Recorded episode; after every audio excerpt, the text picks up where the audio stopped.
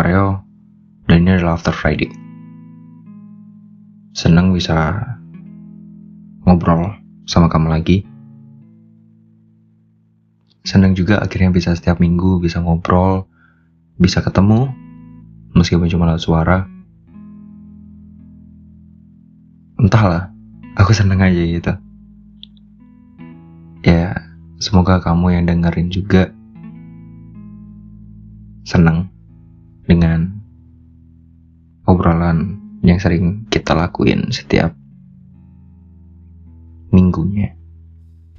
Setiap hari Jumat. Setelah beberapa kali aku ngomongin soal hal-hal yang cukup berbeda sih, cukup jauh dari awal kenapa podcast ini dibuat. Di mana awalnya podcast ini dibuat untuk menceritakan perjalananku sebelum umur 20 tahun tentang kesulitan-kesulitan yang aku alamin, harapan-harapan yang aku inginkan gitu, terus berubah jadi yang lebih menyenangkan, lebih bahas yang gampang-gampang aja yang yang ya nggak bikin lebih pusing lagi lah. Udah cukup di dunia nyata aja gitu Tapi itu juga beralasan. Itu yang akan aku mau omongin sama kamu hari ini. Episode-episode awal podcast ini banyak lebih tentang keluh kesah. Ya pribadi sih sebenarnya. Nggak, nggak aku yakin nggak semua orang juga ngalami hal yang sama. Tapi banyak juga orang yang ngalamin hal yang sama gitu. Tapi waktu awal-awal podcast isinya keluh kesah, isinya adalah galau-galau gitu kan. Terus uh, apa ya putus asa, kayak gitulah. Itu sebenarnya didasari karena banyak momen, banyak hal yang terjadi di kehidupanku yang yang cukup mengagetkan gitu. Ada resiko-resiko dari keputusanku di masa lalu yang datang bersamaan dengan uh, masalah-masalah lainnya gitu. Ya keluarga pekerjaan kuliah terus resiko-resiko yang tadi gitu. Ada di masa yang sama di waktu yang sama ketika sebenarnya waktu umur 20 tahun aku menginginkan semua hal berjalan lebih mulus gitu. Aku pengen kuliah aku lebih baik, aku pengen gaji lebih besar dan lebih stabil gitu kan. Jadi kayak setiap bulan aku bisa dapat gaji yang pas, terus uh, keluarga aku jadi lebih baik lagi, nggak ada lagi masalah-masalah. Eh, ternyata di 2020, di mana aku ulang tahun ke-20, justru semuanya berbalik 180 derajat. Semuanya jadi masalah semuanya menekan semuanya uh, ingin diprioritaskan. Ditambah lagi corona. Itu. Jujur di masa itu aku kehilangan tujuanku tujuan hidupku itu apa sih sebenarnya? Apa sih yang sebenarnya aku mau? Karena keputusan keputusan yang aku ambil sebelumnya ternyata sampai saat ini tidak menemukan apa ya titik temu atau hasil yang bagus gitu. Mungkin ceritaku ke kamu bakal sedikit abu-abu, cuman aku tahu kamu pasti bisa ngertiin.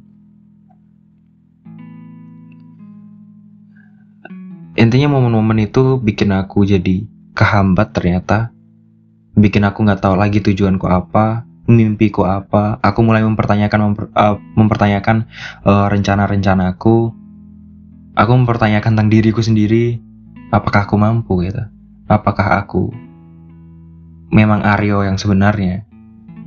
Apakah aku kayak gini, apakah aku kayak gitu? Ataukah mungkin aku yang sekarang ini inilah aku yang sebenarnya gitu. Aryo yang sangat penuh dengan rasa putus asa, Aryo yang pemarah, Aryo yang uh, dendam, bukan Aryo yang baik-baik seperti sebelum-sebelumnya gitu.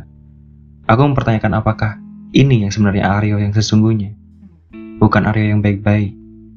Aryo yang baik-baik itu Aryo yang palsu gitu. Aku mulai nggak nggak tahu mimpi-mimpiku itu apa. Aku mulai takut untuk untuk menjalin hubungan dengan orang lain. Kita ngomong soal pacaran. Aku bahkan ngomong soal orang yang berusaha untuk membantuku ketika aku sulit pun aku berusaha untuk memutuskan hubungan dengan mereka gitu. Aku terlalu takut untuk itu. Dan ternyata satu tahun berlalu, dua tahun kemudian, sekarang udah hampir tiga tahun, ternyata itu masih belum selesai.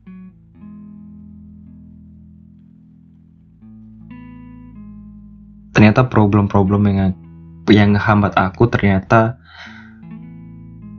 belum selesai. Aku nggak tahu. Tah menurutmu gimana? Aku nggak merasa aku kabur dari masalah-masalah itu.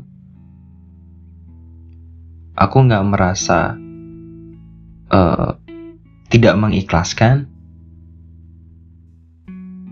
Tapi faktanya masalah itu masih ngikutin aku sampai sekarang.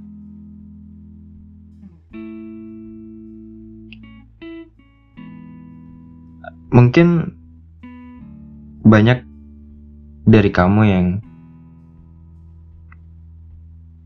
mengalami atau lagi mengalami masa yang sama gitu kayak aku ya mungkin gak spesifik masalahnya kayak gimana cuman aku yakin di di umur umur kita di mana kita harus udah menyikapi semua hal dengan dewasa bertanggung jawab atas di hidupmu sendiri gitu kayaknya banyak deh yang kayak aku.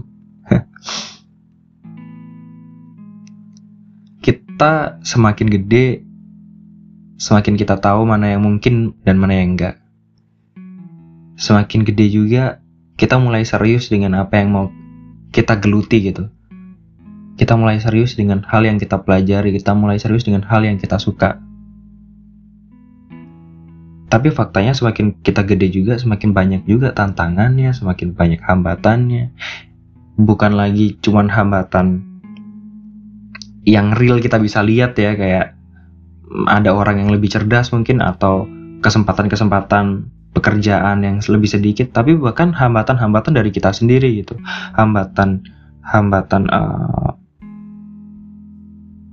toxic uh, pertemanan kalian mungkin atau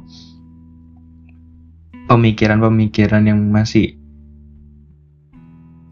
gak percaya diri terus merendahkan diri sendiri. Eh, kayak gitu pun itu udah jadi hambatan yang cukup mempengaruhi kamu dan aku untuk ngelangkah ke tahap selanjutnya dalam mencapai mimpi kita gitu.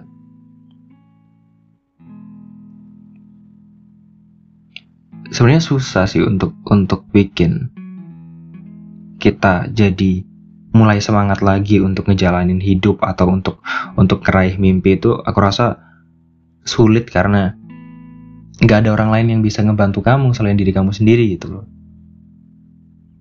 Aku pun gitu jadi setelah beberapa tahun aku tinggal di uh, Bali dan thanks to corona karena setelah itu akhirnya aku ke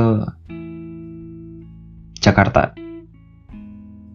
Aku ketemu sama keluargaku. Well, sebenarnya ini uh, satu berkat buat aku sih untuk bisa ketemu keluarga di mana di tahun-tahun sebelumnya ada banyak masalah di aku yang bikin aku capek, bikin aku tertekan, bikin aku bingung atas diriku sendiri.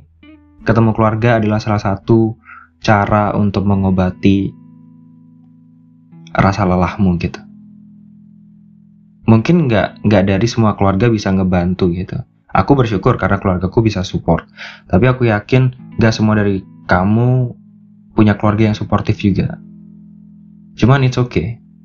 Setidaknya kamu ada di lingkungan yang bisa nerima kamu apa adanya, yang tahu kamu siapa, tahu kamu suka makan apa, tahu tidurmu jam berapa,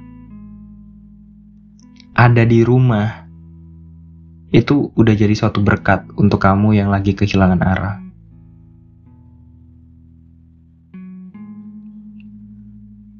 Ada, aku yakin aku nggak bisa ngebantu kamu untuk menemukan kembali mimpimu, menemukan kembali semangatmu, tapi aku menyampaikan beberapa hal yang, ayolah, jangan kecewain kamu, jangan kecewain dirimu sendiri gitu bodoh amat sama orang lain deh.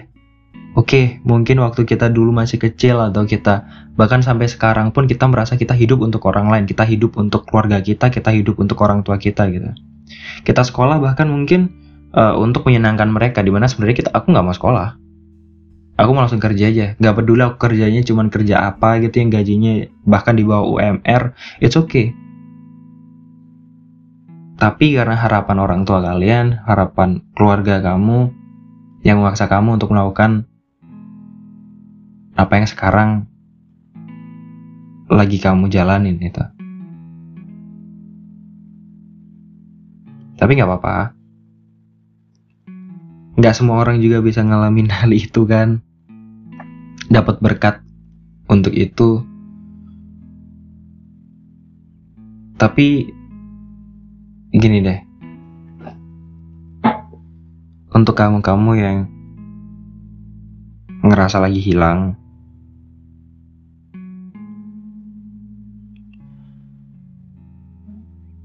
coba har gimana ya? Susah untuk ngomong ini. Karena meskipun kita butuh orang lain, tapi bagaimanapun juga pada akhirnya kita sendiri. Kamu yang bilang, aku lebih suka kalau sama teman-teman, aku lebih bisa dapat apa ya semangat kalau kalau ada orang lain di sekitarku. Ya pada akhirnya nggak semua dari orang-orang itu akan ada di sampingmu selalu gitu. Jadi aku cuma mau ngomong kalau kamu tuh berarti juga sendiri.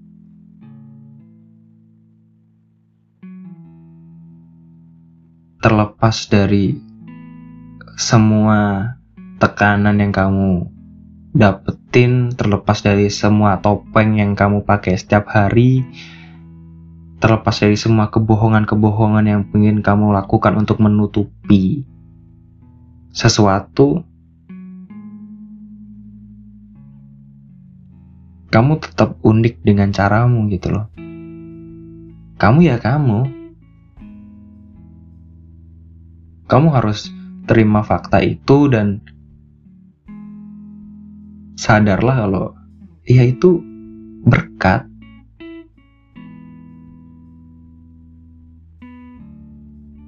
Kalau mungkin kamu ngerasa berbeda dengan orang lain, ketika kamu ngerasa bahwa keluargamu tidak seindah keluarga orang lain, anggap aja itu sebuah keunikanmu gitu. Aku ngomong kayak gini karena aku juga ngalamin hal itu.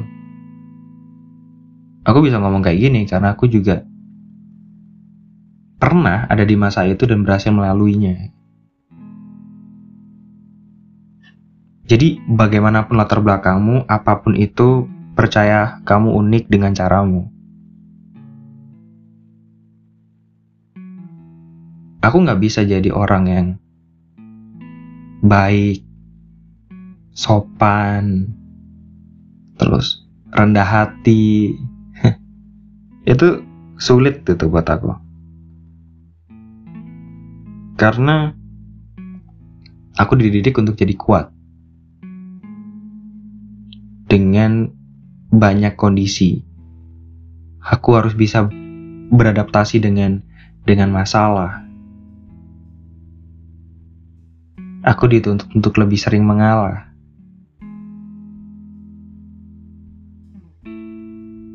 Tapi aku juga nggak apa-apa, aku menerima itu. Memang aku tidak bisa jadi orang yang rendah hati. Memang aku nggak bisa jadi orang yang penyayang. Mungkin aku memang nggak bisa jadi orang yang sopan banget gitu. Tapi aku tahu aku unik dengan caraku, aku menghargai diriku, aku merasa bahwa aku layak.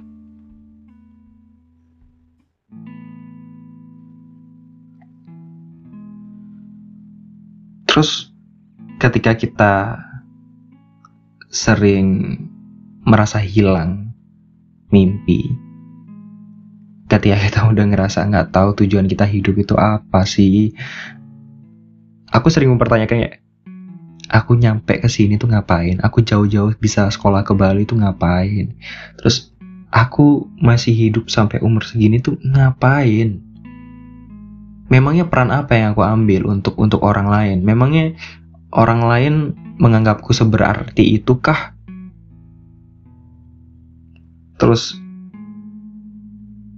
ada banyak ya ada banyak halangan, ada banyak masalah yang kita lewati selama selama kita hidup yang gak gampang, semakin bikin kita buat apa ada di sini. Tapi kalau dipikir-pikir lagi dengan dengan pola pikirku yang sekarang itu ya itu wajar, cuman jangan berlarut-larut lah. Hidup emang gak gampang. Hidup itu susah. Banget. Apalagi buat kita-kita yang mungkin gak punya privilege.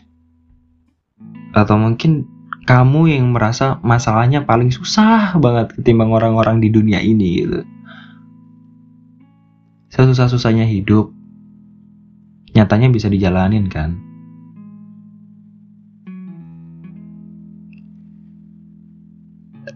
Sesusah-susahnya beberapa tahun terakhir, sesusah-susahnya hmm, kondisi keluargamu, sesusah-susahnya kamu di perantauan, sesusah-susahnya kamu yang kerja tapi nggak dihargain, nyatanya kamu bertahan gitu loh itu poinnya. Faktanya kamu masih bisa bertahan. Jadi sesusah-susahnya hidup,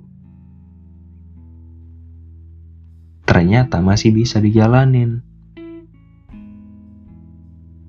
Jadi, bersabar ya. bersabar sampai hidup jadi lebih mudah untuk dijalanin. Dan ketika kita ngomong soal kesusahan hidup, itu jadi dasar rasa takut gak sih? Ketika kita sulit untuk melakukan sesuatu, sulit untuk menyelesaikan sesuatu, itu jadinya takut untuk menyelesaikannya justru atau bukan takut untuk mencobanya. Maksudku gini contoh nih. Mimpimu kamu yang mimpi apa sih? Ini aku pura-pura mendengar nih. Oke. Okay. dulu aku pernah sederhana aja ya. Dulu aku pernah mimpi jadi supir truk aku nggak tahu aku lihat supir truk itu kayak penuh perjuangan banget. Terus kamu bisa keliling ke mana-mana tanpa kamu harus belajar yang yang ya standar sukses kayak sekarang gimana sih? Aku pengen jadi supir truk. Tapi supir truk itu susah. Gimana caranya kamu bisa ngendaliin uh, kendaraan yang punya roda bahkan 9 lebih 12 9 nggak ada roda 9 uh, 12 mungkin atau bahkan lebih gitu. Gimana kamu cara ngendali ini? Susah kan? Ketika kita menganggap suatu hal itu susah secara nggak langsung akhirnya kita takut. Aku takut untuk belajar aku takut untuk gagal. Aku takut untuk uh, mungkin membahayakan orang lain gitu tapi yang aku mau sampein adalah takut itu wajar. Ya kita manusia kita pasti punya ketakutan ya aku aja sampai sekarang masih takut kok buka Google Classroom. Kadang-kadang juga aku offin notifikasi Google Classroom karena aku terlalu tertekan dengan dengan notifikasi dengan dosen yang yang nulis kalimat panjang atau dosen-dosen yang bahkan lebih sering pakai huruf kapital semuanya atau tanda seru tanda seru tanda seru. Ya aku jujur aku takut bahkan dengan hal-hal itu.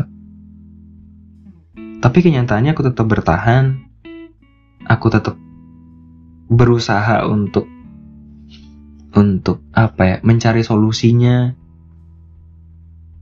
Jadi buat kamu yang sekarang mungkin lagi susah, lagi takut untuk memulai, lagi takut untuk melanjutkan, eh, it's okay, gak apa-apa, gak apa-apa kamu takut. Tapi intinya jangan sampai takut itu bikin kamu berhenti. Takut itu bikin kamu mundur. Jadi aku mau share cerita. Ya ini dari tadi juga bagi cerita, yuk. ya, tapi ini lebih lebih uh, lebih spesifik lah, lebih jelas. Ada contoh kasusnya. Jadi semester lalu itu ada mata kuliah uh, desain furnitur eksplorasi. Ya disclaimer aku kuliah desain interior.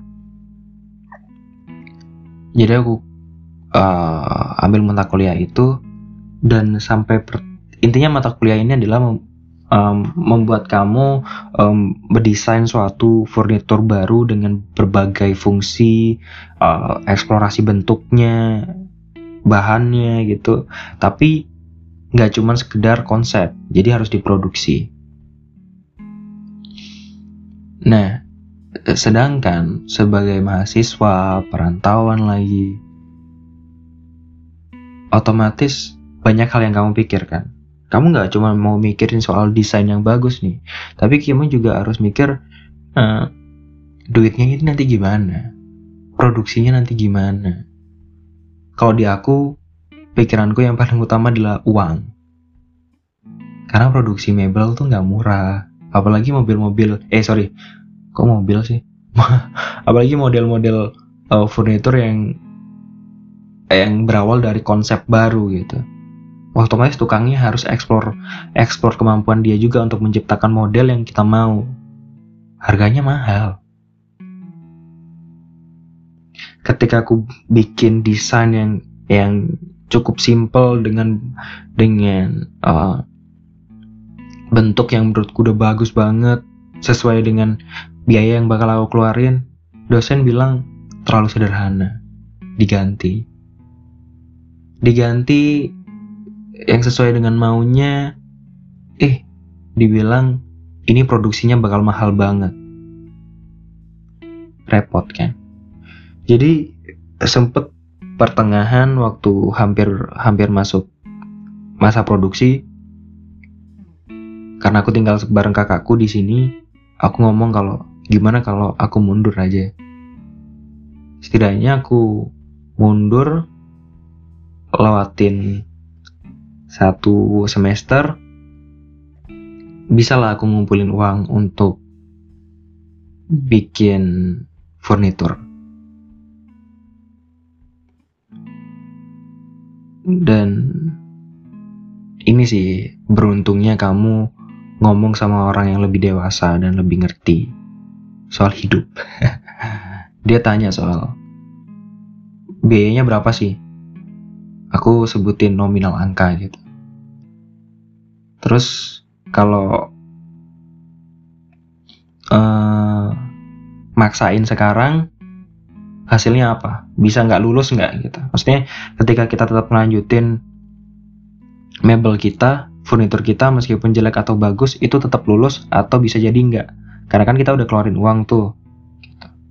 Aku bilang kayaknya sih pasti lulus karena ini mata kuliah yang uh, modalnya banyak gitu loh. Jadi secara nggak langsung kamu bisa dinilai berdasarkan effort. Gitu. Terus dia bilang, kakakku bilang kayak, ya udah, lanjutin aja. dan beruntungnya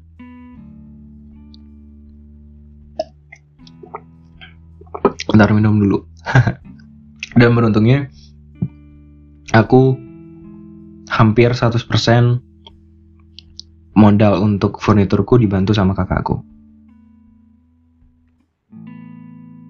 Itu yang aku maksud. Ya, takut nggak apa-apa tapi jangan mundur. Aku takut untuk menyelesaikan karena aku takut. Aku nggak mampu secara finansial. Tapi setelah dipikir-pikir akhirnya aku tetap berusaha untuk melanjutin mungkin mebelku bisanya seadanya karena uh, karena aku kerjain sendiri untuk ngepres harga ngepres uh, neken lebih lebih apa ya? Lebih rendah biayanya. Hasilnya aku tetap lulus meskipun nilainya eh, rata-rata. Uh, aku takut tapi aku nggak mundur. Aku berusaha dengan berbagai cara untuk membuat project dari mata kuliah ini selesai bagaimanapun hasilnya. Itu salah satu yang gue mau sampaikan kalau bodo amat lah sama akhirnya kayak gimana yang penting kamu udah usaha gitu. Pokoknya kamu jangan berhenti.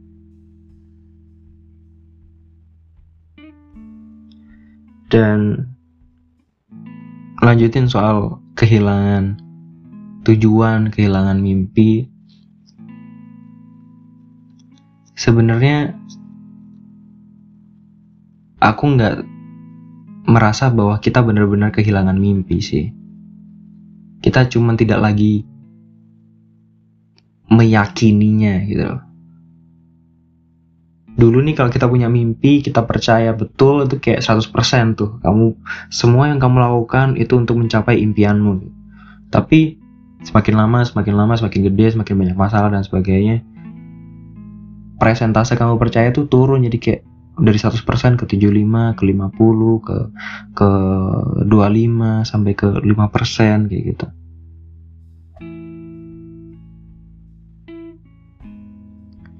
yang perlu dilakuin apa? Kalau menurutku kalau udah kayak gitu coba rehat bentar. Coba lakuin hal lain coba cari mimpi-mimpi lain coba cari ide-ide lain yang mungkin bisa bikin kamu semembara itu ntar lihat deh pada akhirnya kamu juga balik-balik juga.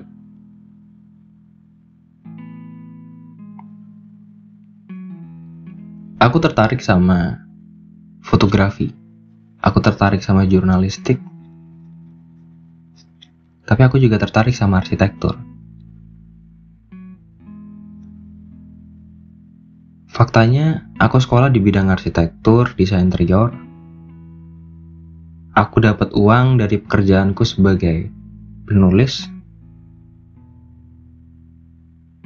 Dan hobiku maksudku fotografi yang aku suka cuma jadi sekedar hobi. Ini yang sekarang padahal dulu aku selalu berharap pekerjaan utamaku adalah fotografer aku jadi fotografer Terus aku juga dapat uang sebagai penulis. Dan soal arsitektur, aku cukup jadi pengagum aja.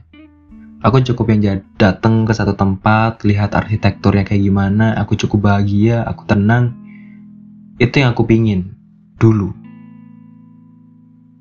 Tapi faktanya kan gak kayak gitu. kita nggak bisa hidup sepenuhnya uh, kita nggak bisa hidup sepenuhnya dari dari uh, fotografi mungkin kita nggak bisa hidup sepenuhnya dari jurnalistik kita mungkin nggak bisa hidup sepenuhnya dari dari kerja sebagai desainer interior jadi itu kan cuman wacana-wacana kita aja gitu. Itu kan cuman cuman apa yang kita mau dari hidup ini. Apa yang mau uh, apa yang kita mau itu terjadi. Tapi faktanya kan nggak kayak gitu. Faktanya ada banyak pertimbangan yang harus kamu lakukan yang harus kamu putusin untuk menemukan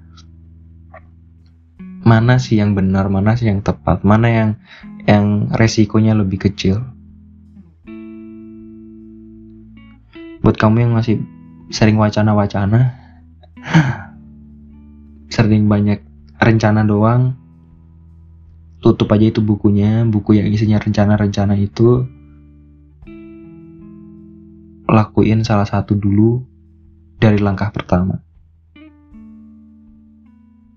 Itu bisa ngebuka kamu jauh lebih ngebuka pandangan kamu, ngebuka mata kamu jauh lebih luas lagi, jauh lebih lebar lagi untuk kembali memfokuskan apa yang mau kamu lakukan di hidup ini. Menemukan kembali mimpimu, menemukan kembali tujuan kamu hidup. Jadi, ya, itu.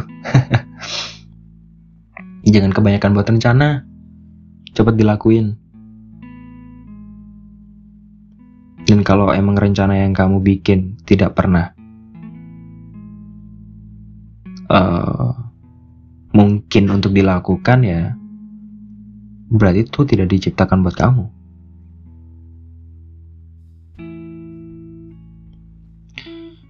Ada salah satu quotes dari Dr. Seuss, dia bilang kalau kebahagiaan gak bakalan terjadi kalau kita mengharapkan sesuatu terjadi lebih dulu. Itu sama kayak kalau kita ngerencanain sesuatu. Aku pingin buat restoran. Tapi aku harus dapat uang 2M, 2 miliar dulu nih baru aku bisa buka restoran. Kayak gitu Aku bakal jadi oh selebgram. tapi sebelum aku jadi selebgram aku harus punya aku harus dapat apa uh, handphone dulu aku harus dapat iPhone dulu aku harus dapat Samsung bla bla bla dulu gitu. Itu yang dimaksud. Kesuksesan gak bakal terjadi kalau kamu mengharapkan sesuatu terjadi lebih dulu. Mimpimu gak bakal tercapai kalau kamu masih mengharapkan sesuatu terjadi lebih dulu tanpa kamu melakukan sesuatu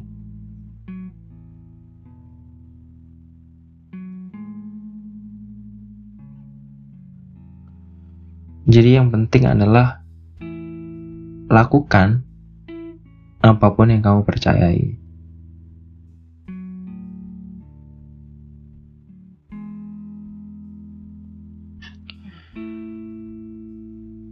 Ini bakal lompat-lompat sih. Aku, aku juga sadar aku lompat-lompat ceritanya, cuman itu yang ada di pikiranku. Ketika kamu memang udah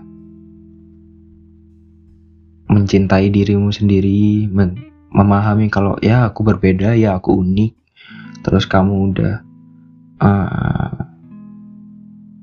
paham kalau oke okay, hidup emang susah tapi ya keep going, aku tetap jalan, aku bodo amat sama orang-orang, bagaimanapun juga sebagai mana mereka membenciku tapi aku bodoh amat sama mereka. Ketika kalian udah memahami kalau takut itu suatu kewajaran buat kita tapi yang penting jangan sampai mundur. Kalian udah nggak lagi-lagi buat rencana-rencana omong kosong kalian udah ngelakuin apa yang kalian yakini.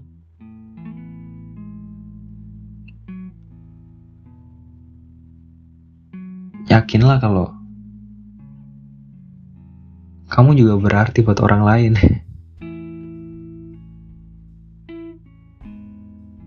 setelah kamu yakin dirimu sendiri, kamu juga harus yakin kalau ada orang lain kok yang percaya sama kamu. Ada orang lain kok yang percaya sama, yang sayang sama kamu. Ada orang lain yang mungkin juga bersedikit berharap sama kamu.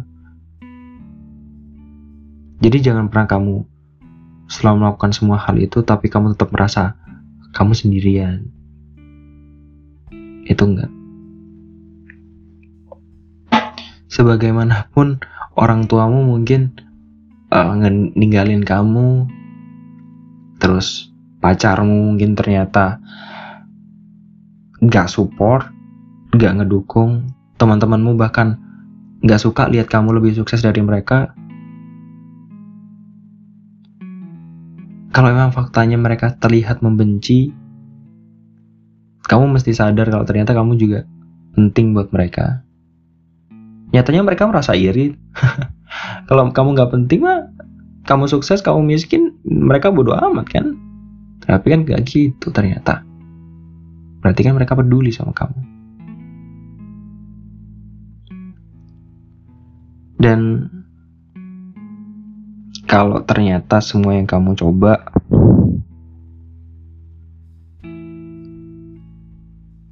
masih belum berhasil dan kamu udah capek banget.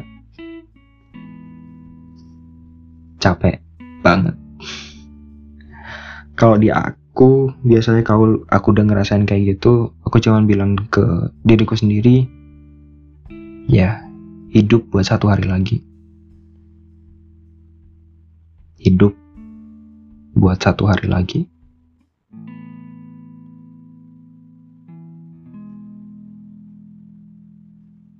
Aku udah gak peduli sama perkataan orang lain. Aku gak peduli dengan apa yang terjadi, masalah-masalah yang ngikutin aku. Aku cuma mau fokus sama hidupku sendiri, memperbaiki apa kesalahanku, menjadi orang yang lebih baik. Mungkin gak bagi orang lain, tapi setidaknya bagi diriku sendiri. Karena aku gak bisa baik ke orang lain kalau aku gak baik ke diriku sendiri kan. Jadi ya, kalau udah capek, pastiin kamu hidup untuk hari ini dan besok, dan besoknya lagi, dan besoknya lagi, dan besoknya lagi. Aku percaya mungkin kamu sekarang lagi merasa ditinggalkan sendiri.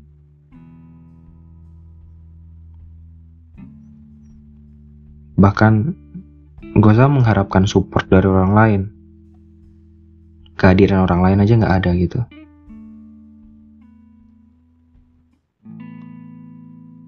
Tapi aku yakin kalau kamu masih dengerin podcast ini, berarti kamu masih kuat. Berarti kamu masih jadi dirimu versi yang jauh-jauh lebih super dari beberapa tahun kamu yang lalu.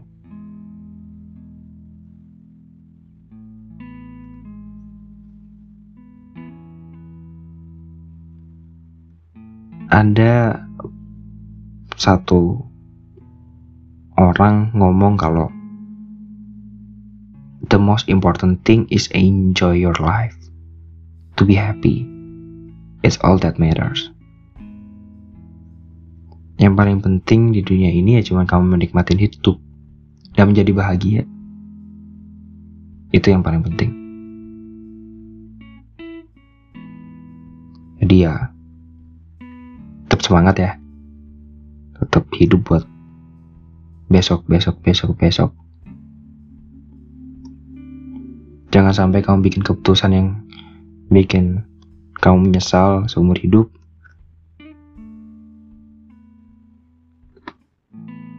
Seegois-egoisnya kamu tetap perhatiin juga kalau ada orang lain yang berharap ke kamu. Jangan jadi seegois itu karena aku tahu rasa sakitnya gimana. Rasa kecewanya kayak gimana. Jadi ya itu aja. Aku Aryo.